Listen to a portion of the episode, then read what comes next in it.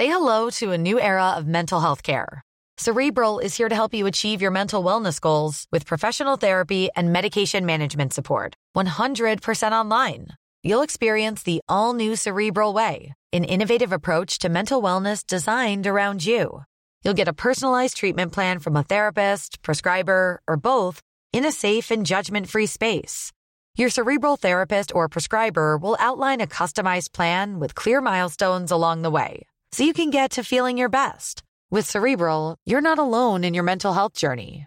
We're here to empower you to live a fulfilling life. So take that first step towards a brighter future and sign up today at cerebral.com slash podcast and use code ACAST to get 15% off your first month. Offer only valid on monthly plans. Other exclusions may apply. Offer ends July 31st, 2024. See site for details.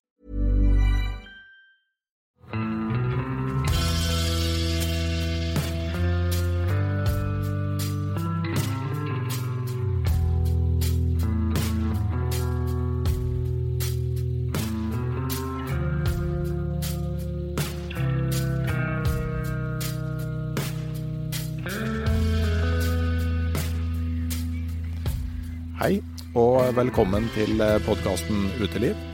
Mitt navn er Randulf Valle, og i dag sitter jeg i en park i Oslo sammen med Johanne Refseth, psykolog med sovepose. Og vi skal snakke litt om de positive effektene som natur og friluftsliv kan ha på psykiske lidelser. Og hvor vanlig er psykiske lidelser i dag, Johanne? Det er nok eh, vanligere enn man tenker. Eh, vi veit at sånn på et livsstil, livstidsperspektiv da, så vil ca. én av tre av oss ha kvalifisere til en eh, diagnose i løpet av livet. Vi regner med at nesten halvparten vil gjøre det òg, men det er en tredel som, liksom, som, er det offisielle tallet.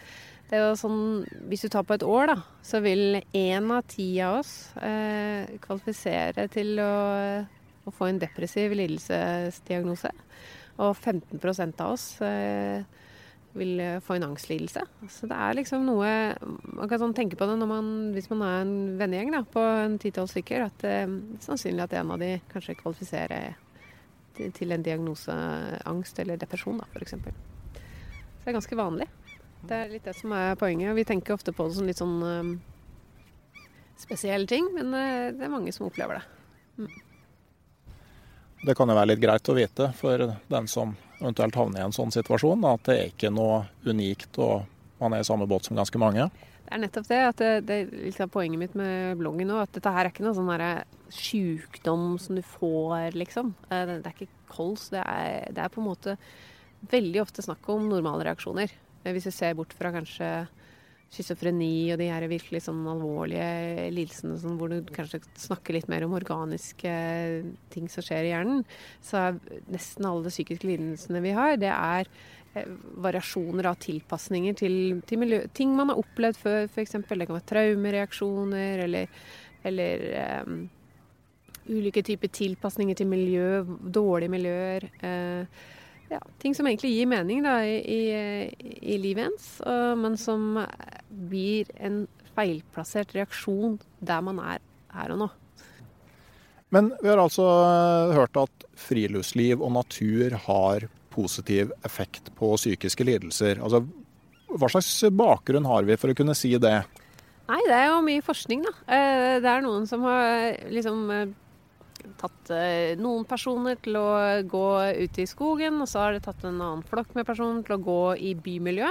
Og så har man liksom målt forskjellige ting. da, eh, Målt om eh, Føler de seg bedre etter å ha gått i by, eller føler folk seg enda bedre etter å ha gått i naturen? Så har man funnet ut at folk opplever mer positive følelser etter å ha gått en tur i naturen. Eh, man har også funnet ut at man får litt lavere puls, man får litt eh, lavere blodtrykk f.eks. Eh, det er også noen som, altså, noe forskning som indikerer at man får litt bedre immunforsvar av å være ute i naturen. Og så er det, sammenligningen da ofte ikke sant, bymiljø. og det her, de forskningsresultatene her er faktisk uavhengig av aktivitet òg. Så mange tenker sånn ja, men det er fordi du er på joggetur, ikke sant. Men det er faktisk uavhengig av den aktiviteten, så ser du en effekt av å være ute i naturen. Så et eller annet på naturen som er veldig, veldig bra for oss. Både fysisk helse og psykisk helse. vet vi noe mer om hva det er med å oppholde seg i naturen som er bra for oss? Det, det som man, man tror, da, er jo at det beredskapssystemet vi har i kroppen, eh, det jeg kaller angstsystemet men De fleste syns det høres litt sånn voldsomt ut, men det er egentlig eh, det systemet vi har som gjør oss i stand til å reagere fort hvis vi er i en farlig situasjon. Da. Det systemet er oftere aktivert når vi er i by enn når vi er ute i skogen. Eh, og Det som skjer når det systemet sant, eh, skrus av, det er jo nettopp at du får lavere puls, at du får lavere blodtrykk, at du føler mer positive følelser. Eh, så man tror at det sannsynligvis er den underliggende faktoren. da. Ok, Så at vi er mer konstant i beredskap når vi er i et bymiljø enn når vi er ute på tur? Det kan se sånn ut, ja. Mm. Hvor mye natur må det være? Altså sånn Vi sitter i Frognerparken nå, er det nok? Eh, ja, jeg tror faktisk det. Hvis du tenker på forskningen, så, så er nok det, det er nok med litt natur, ja. Eh, men det er selvfølgelig Jeg tror ikke det er laga av forskning. Jeg tror ikke man har putta en eh, haug med folk ute på på Jotunheimen versus Frognerparken. Eh, det kan godt hende du hadde en høyere effekt i Jotunheimen enn Frognerparken. Det vet jeg ikke. Men eh, det holder med litt natur. altså Det holder med en en tur i parken. Men eh, hva er det som gjør at vi eh, måtte slappe mer av, er mindre i beredskap ute i naturen? Det er mange, mange forskjellige teorier på det. Én eh, teori er at naturen er mer sånn naturlig miljø for oss. Da. At det er tross alt Jeg tror det bare er uh, de siste sånn 100 årene hvor det er en anselig andel av oss som faktisk bor i by. Da. De har jo bodd i by før, men det har ikke vært så stor prosentandel av befolkninga. Uh, og det vi faktisk har tilpassa oss til da, gjennom uh, tusenvis av år med evolusjon, er natur. og at det er det som er vårt naturlige habitat. Naturlige omgivelsene våre. Ja, har det noe med at, altså, at det er en enkel enklere og mer sånn entydig tilværelse når vi er ute i naturen? Ja, der er jeg over i sånn kanskje mer friluftslivet, da. Hva, hva friluftslivet byr på av utfordringer versus hva, hva, bylivet er. Er det det du tenker på? Jeg tenker jo litt sånn, ja. Ja, eh, Det kan man jo godt eh, snakke om. At, eh, at når du er ute, ute i naturen, Sånn, sånn, som oss friluftsfolk, da. Ikke sant? Så skal du kanskje være der ute, og du skal lage deg mat og holde deg varm og, og, og tørr. Eh, men du skal ikke så mye annet. Mens i det samfunnet vi har, eh, i byen, handler det om så mange andre ting. Det kan handle om eh, ikke sant, abstrakte ting som prestisje.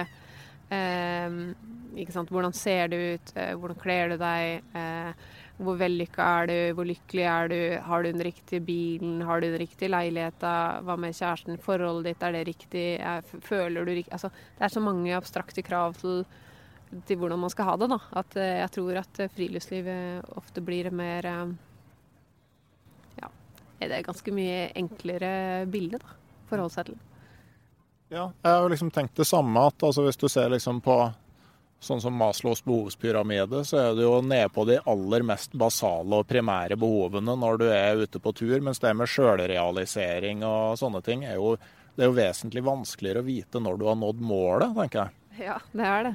Så tror jeg det, det Vi, vi veit jo f.eks. at det her presset det påvirker unge eh, i større grad enn eh, oss litt eldre. Og at eh, andelen psykiske lidelser og økende blant unge. Eh, det er de her abstrakte kravene, selvrealisering, ikke sant? du skal være lykkelig, du skal være pen, du skal være ditt og datt. Eh, det krever ganske mye av de, og jeg, jeg, tror ikke det er så mye av det ute i naturen. At for de som driver med friluftsliv, kanskje opplever litt et rett og slett et friminutt da, fra det derre konstante jaget. Jeg tenker også En del av de aktivitetene vi driver med når vi er på tur, krever jo veldig mye av oppmerksomheten vår. Altså Hvis du tenker hvis du driver med klatring eller brevandring, eller for min del hvis jeg står i ei lakseelv og storlaksen hopper ned på brekket nederst i kulpen, her var det et vak ute i Frognerdammen òg. Altså, eh, da, da, tenker du ikke så veldig mye på hvor mange likes du fikk på siste Facebook-post. Det er nettopp det. Det er faktisk en veldig interessant ting, fordi at eh, man har tatt og forska på eh, hva det er lykkelige folk gjør, da. er, hvilke ting er det folk som er lykkelige, har i livet sitt? Og når jeg sier lykkelig, så høres det ut som det er sånne happy go lucky, superglade mennesker. Men eh, det man har tatt som lykkelig, da, det er folk som tåler livet uten at de går ned og får det og blir veldig deprimert eller destruktiv eller sånne ting. Da. Så vil si at hvis du mister bestemora di, så gråter du og har det vondt. Eh, det er ikke sånn at du er lykkelig da, men du tåler, liksom, tåler det uten at eh, får deg helt i bakken. Da. Og de folka der, de har eh, ofte noe som heter flow i livet sitt. Altså vil si at de har eh, aktiviteter som de bruker 100% av oppmerksomheten sin på. Og det er jo noe som oppstår, sånn som du sier, veldig ofte i friluftslivet. Da. Så man kan tenke seg at, at det er også en medvirkende årsak til at mange liker veldig godt å drive med friluftsliv. At de opplever den derre altoppslukende eh, At all oppmerksomheten går på én ting, da. Istedenfor at det flyr i alle retninger. Du sitter her og Facebook der og Instagram der, og du burde skrevet den her eh, stilen her, og, og sjefen ringer fra jobb, ikke sant. At det fokus på én ting. Ja, også I tillegg så er jo mye av det vi driver med ute på tur, det er jo sånn som gjør at vi bruker kroppen fysisk. Og i tillegg til da å ha hatt fullt fokus på noe som handler om noe annet enn hverdagen din, så er du dørgende trøtt når du legger deg om kvelden. Ja, jo, da får du jo den her fine fysiske Altså de fleste har fått med seg nå at sant, fysisk aktivitet er bra for deg. Eh, så den får du da med på kjøpet i tillegg. Så det er jo veldig bra. Før så fantes det jo eh, mange flere forskjellige sånn type jobber. Hvis du hadde litt sånn eh, lopper i blod og eh, Annet eh, fra min tid i Hammerfest, der var det jo en sånn, du må kanskje kalle den for en original. Som, han sa vel han har aldri begått innbrudd, men han, han stjal litt. Så han eh, stjal brennevin fra bakeren og ga bort til dem som drakk og sånne ting. Og var litt sånn rabagast, rett og slett. Og han hadde lyst til å til sjøs, og for å komme til sjøs så måtte du ha vandelsattest. Men lensmannen var jo en veldig sånn løsningsorientert fyr, da, og skjønte at han karen der kom til å bli en veldig bra sjømann, så han fikk sitte og røyke på lensmannskontoret mens vandelsattesten ble utskrevet. Og han dro til sjøs og var borte i fem år og skikka seg godt. Men altså, det kan du ikke gjøre i dag. Nei, det er, nei, det er Åh, det der er jo lange diskusjoner opp og ned om det der. Men, men de der konkrete jobbene der, da, de er jo dessverre etter hvert borte. Eh, eller de er i hvert fall på vei ut. Og um, det gjør jo at veldig, veldig mange som kanskje ja, hadde passa bedre til sjøs enn på kontor, de får jobber som de kanskje ikke trives så godt med. Og jeg tror mange av de, de finner, finner seg sjøl ute i skauen. Altså. Men eh, det med naturens påvirkning på psykiske lidelser, er det da sånn at eh, naturen liksom er behandlinga, eller er den mer et sånn fristed? Jeg tror jeg tenker på det mer som et fristed. Og jeg tror det er det som er eh, nok den mest riktige måten å oppfatte det på. Fordi at vi ikke sant, friluftsfolk vi får det jo så bra når vi er ute og vi syns det er så stas og sånn. Og vi vil veldig gjerne at dette her skal være løsningen på alt. Men det er sånn at mest av psykisk strev det handler om andre ting enn at du trenger på en måte en slags dose med litt lavere angst. For noen så kan det være løsningen, men for veldig mange så handler det med psykisk strev om ikke sant? Det kan være mønster du har lært deg.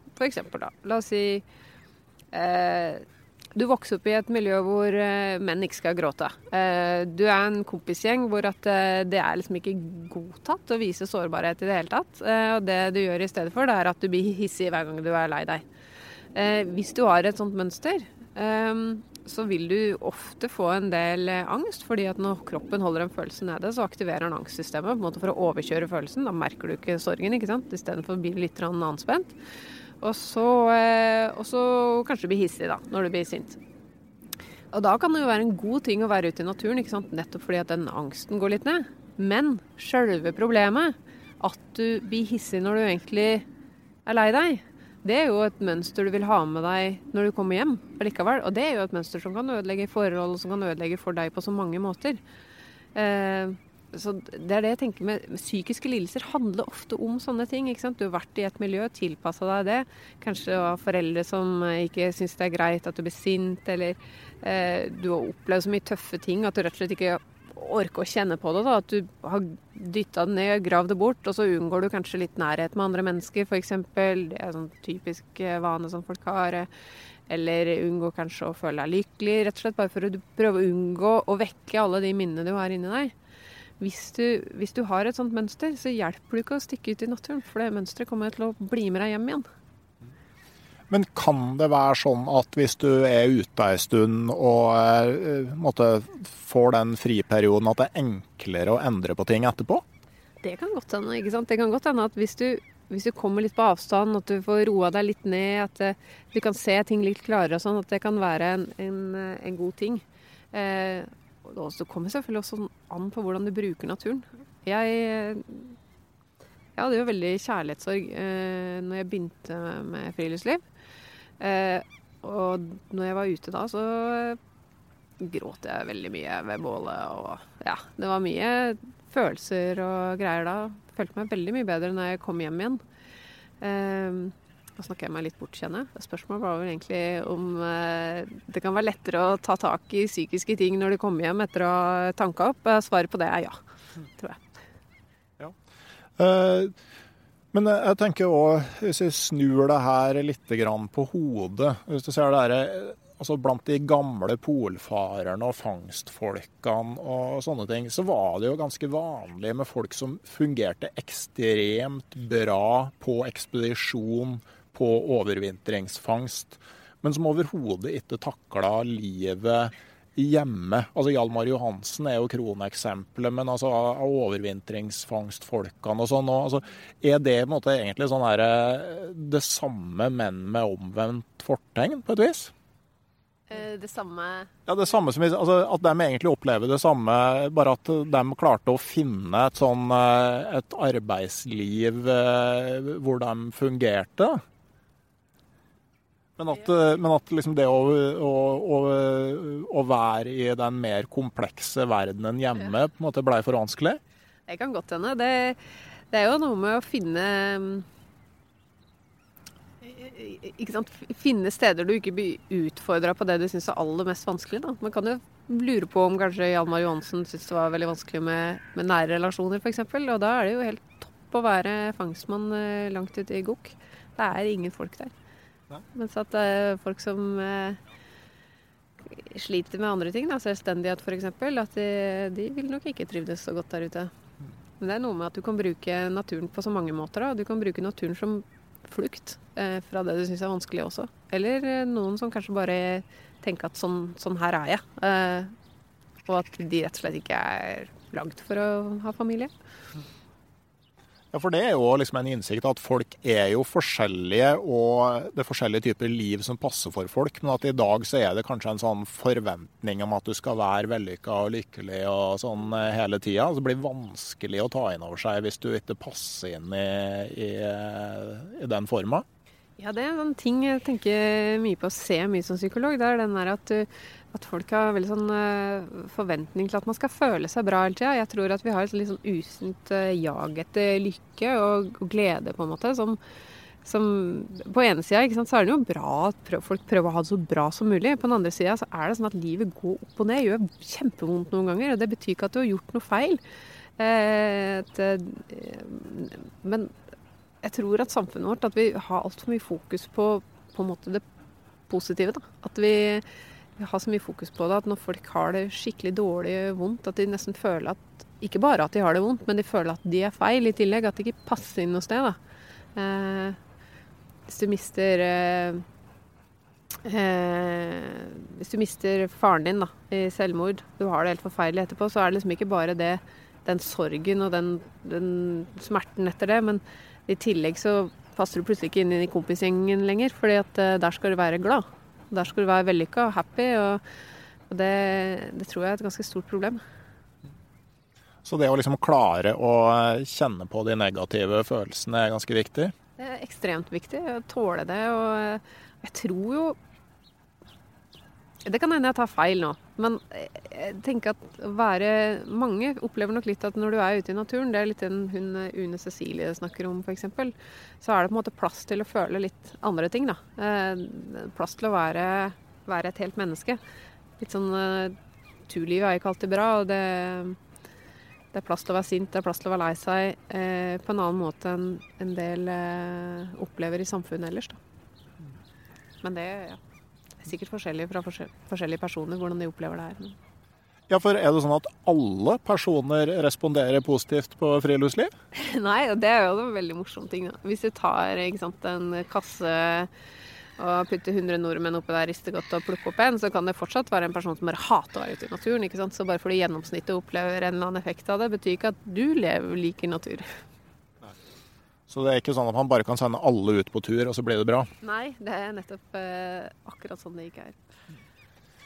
Men eh, når man er ute, på, ute, i naturen, så opplever vi jo litt det der med å koble fri fra de mer sånn abstrakte kravene til å være vellykka og eh, sånne ting. Men, men, i dag så så skal man jo òg dokumentere det man gjør ute på sosiale medier. Og det er jo veldig målbart hvem som eh, er godt likt for det de gjør ute. ikke sant? I form av likes og følgere og sånne ting. Hva gjør det med den effekten her av friluftslivet? Ja, Det syns jeg er et veldig spennende spørsmål. Man kan spørre seg selv liksom, tar vi da med det her abstrakte jaget som vi slipper unna i byen, da, tar vi det med ut i naturen. Og gjør det kjipere å være på tur. Det er et sted hvor du egentlig ingen så deg. Plutselig så ser hele verden deg, da, potensielt.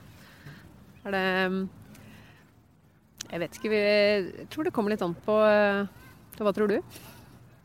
Jeg, jeg, tror jo at noe går tapt hvis du skal være på hele tida og dokumentere det du gjør og følge med på hvor mange likes du har fått, i stedet for å se etter hvor fisken er eller uh, whatever du driver med der ute. Ja. Da vi var i Anárjohka, så var det jo ikke mobildekning. Det var en, av og til sånn, eh, noe sånn finsk uh, edge som dukka opp. Men ellers så det var det ingenting. Og var, jeg syns det var helt fantastisk.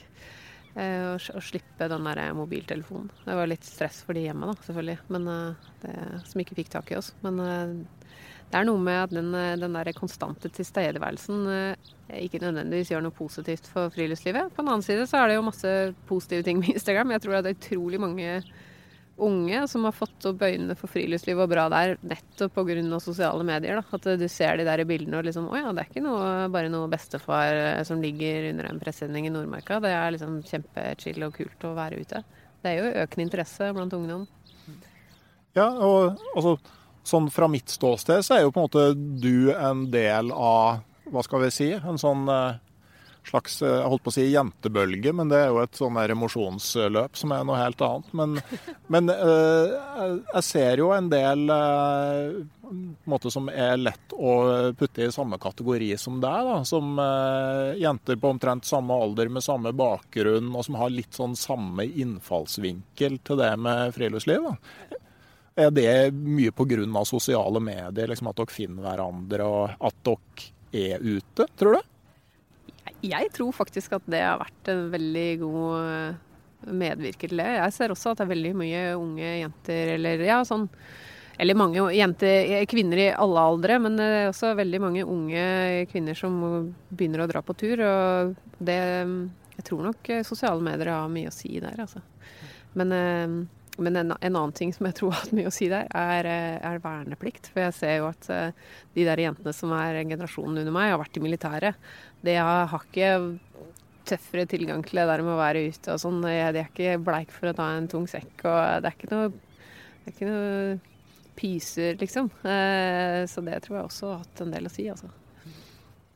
Ok. Ja, jeg har jo mm, liksom det med psykisk helse òg. Altså, jeg tenker OK, det koster en del å ha alle 18-åringer inn i militæret, men du verden, jeg tror det, og spesielt for gutter, å komme til et sted hvor det er struktur og krav og klare mål, at det Man skal ikke se bort fra den effekten. Nei, og jeg tror eh, noe som, er, altså noe som er viktig for psykisk helse, er å ha noe i livet ditt som du føler du mestrer. Eh, og det, jeg tror at du får Unge mennesker får utrolig mye mestring gjennom militæret. Eh, og det å klare seg ute um, i naturen og, og klare å forsvare seg sjøl og ta vare på et team, liksom, det Ja, det koster nok mye å ha begge kjønn inn og hei og hå, men det, jeg skulle ønske jeg hadde vært militær. jeg skal love deg, hvis du hadde spurt Johan 18 eh, år, så hadde hun nekta, men eh, jeg skulle ønske jeg hadde vært der. Jeg var i militæret, men jeg satt på et kontor på Kjeller og, og bodde faktisk i Øvre Slottsgate hele verneplikten. Å ja. Men du måtte ikke brette sammen klærne dine sånn, med sånn tellekant og sånn? Jeg hadde noen uker på rekruttskole på Lahaugmoen oppe på Gjelleråsen. Der var det litt bretting, men etterpå så havna vi på, på Forsvarets forskningsinstitutt. Vi kalte oss for FFI-jegere i et sånt forsøk på å eh, få litt bedre image. Ja. Kjæresten min skulle ønske at jeg hadde vært på rekruttskole. Eh, OK, sånn med, med brettekanter og sånn? Med brettekanter og system og orden og sånt, ja. Mm. Altså, eh, Kona mi har ikke vært i militæret, men det er helt klart hun som har brettekanten av oss. da, Så det er ikke sikkert det har noen effekt. det kan hende at det er sånn friluftsfant. Eh, jeg har veldig system på friluftsutstyret mitt og i telt og sånt. Da. Det sier han. Han skulle ønske at jeg liksom kunne overføre det til hjemmet, men det, det skjer ikke. Jeg har ikke så mye system der heller, egentlig. Men jeg har jo Altså, Kompisen min Bengt Rotmo sier jo at han, han lever jo bare opp til navnet. Jeg burde kanskje hatt det Rotmo-navnet, jeg òg.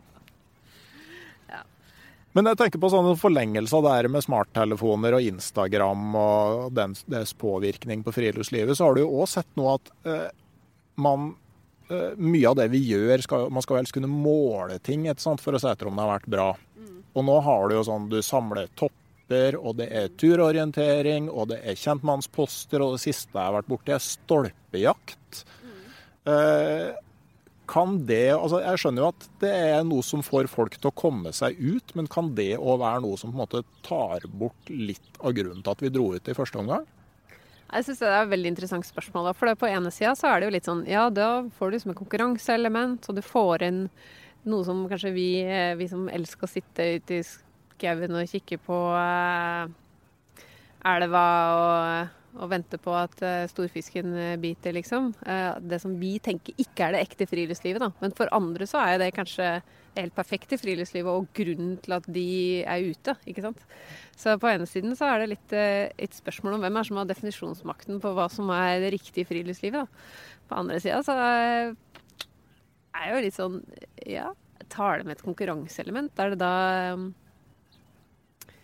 bli, ikke sant? mister vi litt den der eh, naturlige være i noe, kose oss um, Jeg vet ikke, en, jeg tenker sånn som på ungene, altså Mine unger begynner å bli eh, altså Eldste har begynt på skolen. og jeg tenker, De bruker jo veldig mye av tida si på å gjøre noe som andre har bestemt at de skal gjøre, og stå og vente på tur og gjøre ting i rekkefølge og sånne ting. Og jeg tenker litt at da trenger de ikke enda mer sånn når vi endelig er ute i naturen. Nei, det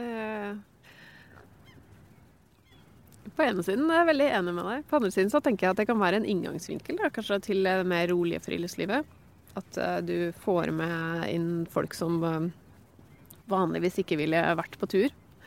Så kan man jo håpe at, man etter hvert, uh, at de etter hvert vil kunne være der ute og, uten at man skulle konkurrere. Dette er, ja, det, dette er et veldig interessant spørsmål. Det er nok mange svar på det. Ja, det... Vanskelig å komme med en fasit. Noen elsker jo å konkurrere òg. Altså, jeg hater jo å være på tur hvis det blir noe sånn konkurranseelement. Hvem som får størst fisk eller er raskest å fyre opp bål og, og sånne ting. Det, det, men, men, det er jo helt klart for andre så kan det jo være en motivator. Mm. Ja, det er det. Altså, Noen elsker det der, og andre hater det. Så eh, personlig så er jeg jo sånn som ikke liker det så godt, jeg heller. Så eh, jeg tror På ene sida så, så, tror jeg at man Så er det sånn Ja, du tar med et annet element inn som kanskje ikke handler om akkurat den der tilstedeværelsen og roen som vi kjenner, da. Mens på annen side så kanskje du da får med deg på med deg en haug med andre folk som vanligvis ikke ville vært ute i skogen. Og eh, jeg vet jo, Lars Monsen snakker jo veldig mye at han vil ha der, liksom, utfordre seg sjøl-aspektet i det. da. Det husker jeg, jeg tenker sånn Det har ikke jeg bruk for. altså. Det, Nei, Det må jeg si at jeg har merka for min del, og at mestring er en Altså, I en periode så var det for min del åpenbart en viktig greie, sånn med å ligge ute om vinteren og gå langt på ski og sånne ting. Men i dag er jeg veldig glad i de turene hvor du liksom kan eh, ha spist eh, en god middag, og så er det akkurat så passe varmt at du kan legge deg rett bak i lyngen til å sove uten å måtte gjøre noe mer. Ja, jeg vet det, jeg også. Jeg er litt der, altså. Men jeg syns jo det jeg føler jo at bare det å være ute og klare meg sjøl ute i naturen er jo litt sånn mestring, eh, mestringsfølelse i seg selv. Så Men jeg syns det er veldig deilig med de der turene hvor man ikke trenger å hvor man bare kan være til stede ute i naturen. Det er nok akkurat det som mitt friluftsliv alltid har handla om. At jeg liker veldig godt bare å være i naturen. Jepp. Uh, da begynner vi å nærme oss eh, en slutt her, Johanne. Men jeg tenker, hvis eh, noen av de som hører på, føler at de ikke har det bra med seg sjøl, hva, hva, skal du gjøre? Det tenker jeg kanskje vi må si noe om. Altså, hvis du føler at du, du, du sliter og ikke helt har kontroll på det du tenker og føler. Ja.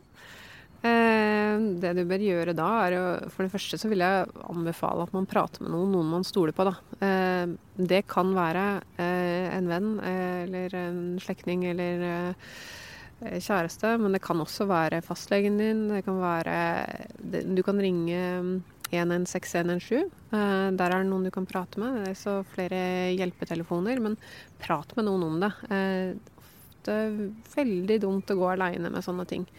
Eh, hvis man trenger behandling, så er fastlegen flink til å henvise videre. Og så er det veldig mange kommuner i Norge også eh, som har en kommunepsykolog eller et type behandlingstilbud som man bare kan komme rett inn på. Så det kan være en god idé å sånn undersøke kommunen om de har noen man kan snakke med. Eller så kan man kontakte en psykolog privatpraktiserende, men det er ofte litt dyrere.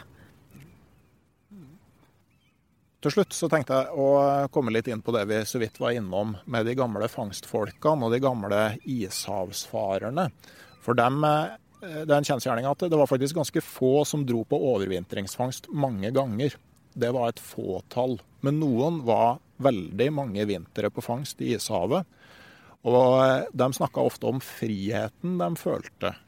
Og den som kanskje har satt best ord på det her, er Henry Rudi, kjent som isbjørnkongen. Han hadde noen og tjue eh, overvintringer eh, på Svalbard og Grønland og diverse øyer rundt omkring.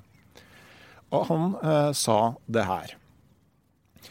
Friheta består ikke i å legge seg døgnvis i ei varm og god hytte og si 'jeg gjør som jeg vil, jeg har frihet til det'.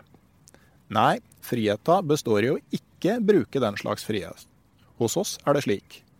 Friheta består i å røkte sine redskaper hver bidige dag, så en kan si til seg sjøl at nå har jeg gjort det som gjøres skulle. Jeg har vunnet over de ytre motstandskreftene, som er styggvær og mørke. Jeg har vunnet over de indre, som er oppgitthet, likesærlighet eller noe slikt. Jeg har vunnet over sterke krefter, derfor er jeg fri. Nå er det slike krefter å vinne over andre steder enn i fangsthytta òg, her nede i samfunnet f.eks. Men der oppe trer de så klart i dagen. De står fram i sine enkle fakta, klemmer på eller gi seg over. Slik forenkles livet for fangstmannen over vinteren. Det må være dette som tiltaler oss, som får oss til å snakke om frihet. Vi har ryggen fri, og det er blanke våpen som brukes i kampen. Tror du det er litt av den samme Johanne, som vi føler når vi er ute på tur?